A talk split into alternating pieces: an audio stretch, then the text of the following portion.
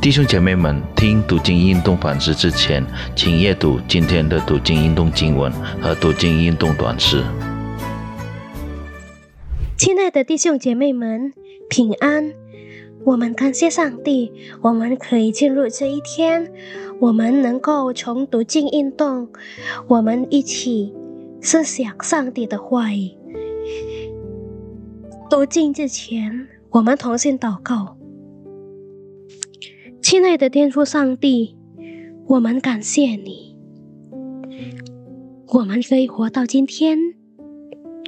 现在我们要阅读圣经，又是想上帝的话语，求主祝福我们，给我们能够做到上帝的话语，这是我们的祷告。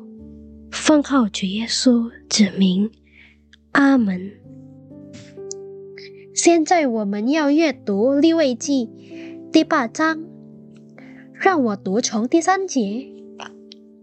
又召聚会众到会幕门口。第四节，摩西就照耶和华所吩咐的行了。于是会众聚集在会幕门口。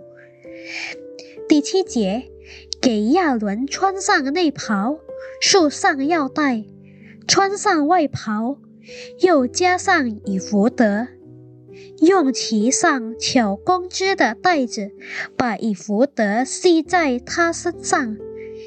第八节，又给他戴上胸牌，把乌灵和土名放在胸牌内。第九节，把冠冕戴在他头上，在冠冕的前面。登上金牌，就是上官，都是照耶和华所吩咐摩西的。第十节，摩西用膏油抹帐幕和其中所有的，使他成圣。第十一节，又用膏油在坛上弹了七次。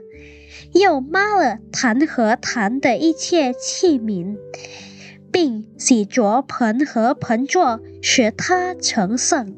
阿门。阅读、思想，又做到上帝的话语，真是有福。现在我们的主题是分别为圣。上帝在出埃及记二十九章中吩咐摩西将亚伦和他的儿子分别为上。这一承接圣职之礼是在以色列人建造会幕之后进行的。上帝首先吩咐摩西在祭祀亚伦和他儿子的圣职之礼中当行的事，之后就叫摩西将他们承接圣职。在这承接圣职之礼上，摩西成为了上帝之手的延伸。事实上，上帝亲自。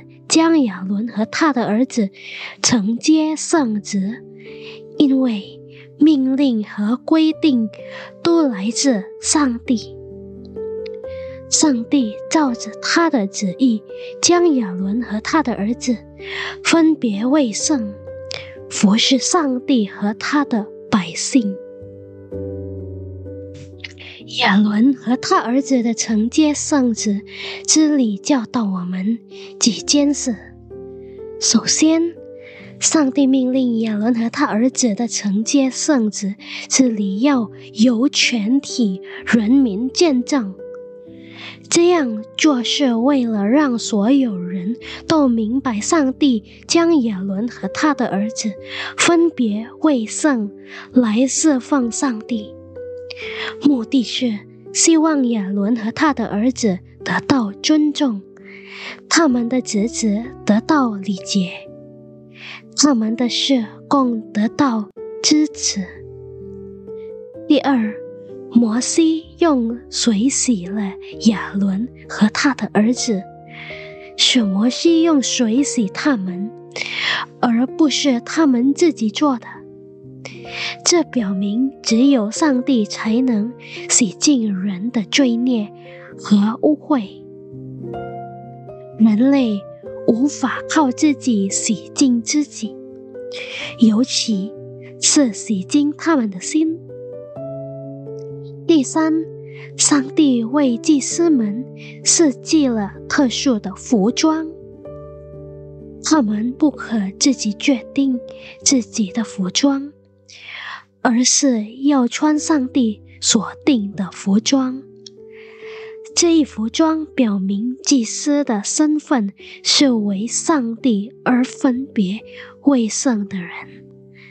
他们不可随意选择要穿的服装，因为他们所穿的服装必须符合上帝赐给他们的圣旨。我们也应该穿上基督给我们的服装，就是象征基督给我们公义的衣服。我们可以看启示录第三章第五节、第四。摩西把膏油倒在亚伦和他的儿子头上。亚伦和他的儿子的受膏宣告，亚伦和他的儿子是正式的祭司，是分别为圣来执行上帝交给他们的圣供的祭司。摩西也用高油抹帐幕。和其中所有的器皿，包括祭坛和坛的一切器皿，以及洗濯盆和盆座。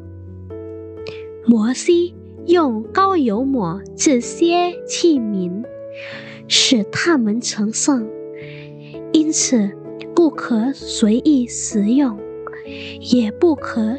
用于释放上帝以外的任何其他用途。若上帝已洗净和使您成圣，您是否已经释放他？我们用主导文祷告：我们在天上的父，愿人都尊你的名为圣，愿你的国降临。愿你的旨意行在地上，如同行在天上。我们日用的饮食，今日赐给我们，免我们的债，如同我们免了人的债，不叫我们遇见试探，救我们脱离凶恶。因为国度、权柄、荣耀。全是你的，直到永远。阿门。愿上帝祝福你们。